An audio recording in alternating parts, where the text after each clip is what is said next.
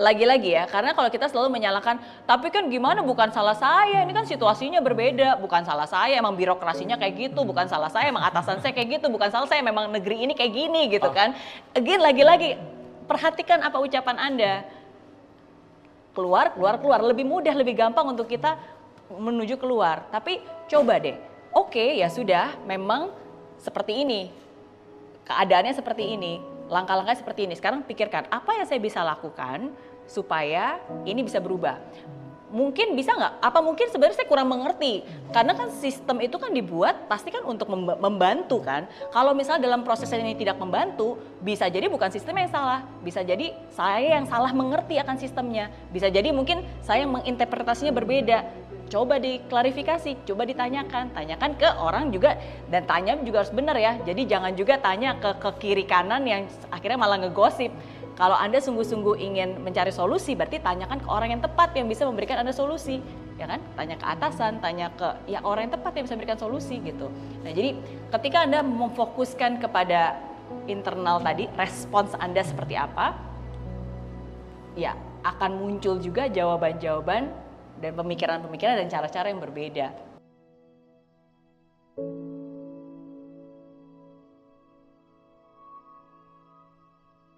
Um, bagaimana cara untuk kita bisa tulus dan ikhlas? lagi lagi-lagi ini cara pandang persepsi kita ya. Um, menurut saya ini sangat penting karena kamu menganggap pekerjaan Anda itu seperti apa? Anda menganggap yang Anda lakukan itu pelayanan itu seperti apa? gitu. Um, saya selalu berpikir bahwa bekerja itu adalah bagian dari ibadah. Bekerja itu bagian dari ibadah, oke? Okay? Dan dan rezeki itu nggak pernah tertukar gitu. Nah makanya karena kalau kita percaya bahwa bekerja itu adalah bagian dari ibadah, maka janganlah hitung-hitungan ketika kerja. Oke, okay? nah, karena banyak orang sekarang nih suka hitung-hitungan gitu. Ah, ngapain kerja lebih-lebih ini kan bukan tanggung jawab saya right. ah ngapain susah-susah orang nggak ada uang lemburnya ah ngapain susah-susah ini kan juga nggak ada bonusnya dan seterusnya oke okay? Um, dan saya bilang stop stop stop. It's tunggu dulu. Jangan mensalahartikan gaji dan rejeki. Gaji itu dari perusahaan. Rejeki itu dari Tuhan. Gaji itu berupa uang. Rejeki itu bisa berupa uang kesehatan, keharmonisan rumah tangga, anak yang berbakti dan masih banyak lagi. Gitu. Jadi janganlah apa ya hitung-hitungan terhadap pekerjaan dan jangan takut untuk memberikan lebih dalam pekerjaan Anda tulus dan ikhlas karena rezeki itu nggak akan pernah tertukar. Apa yang Anda berikan itu juga lah nanti akan Anda dapatkan.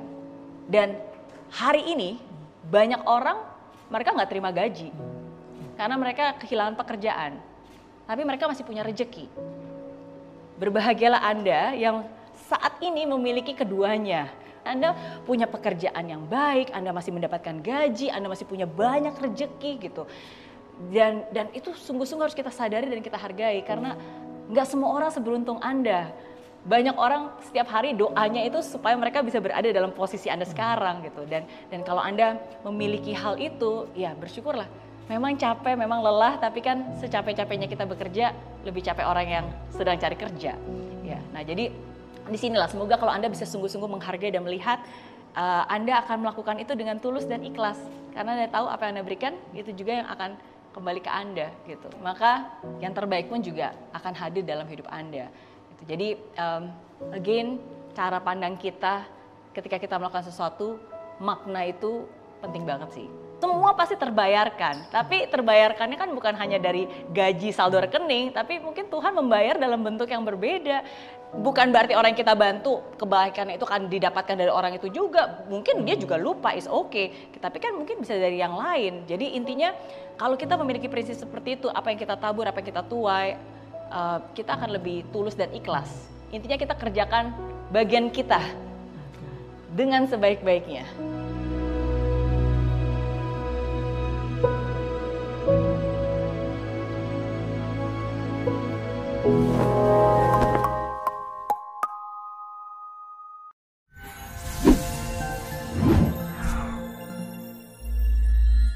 Di aplikasi Mary Riana tersedia lengkap video-video YouTube terbaru saya, artikel yang up to date, post inspirasi, koleksi merchandise, workshop dan seminar yang bisa kamu dapatkan free dan download sekarang juga gratis.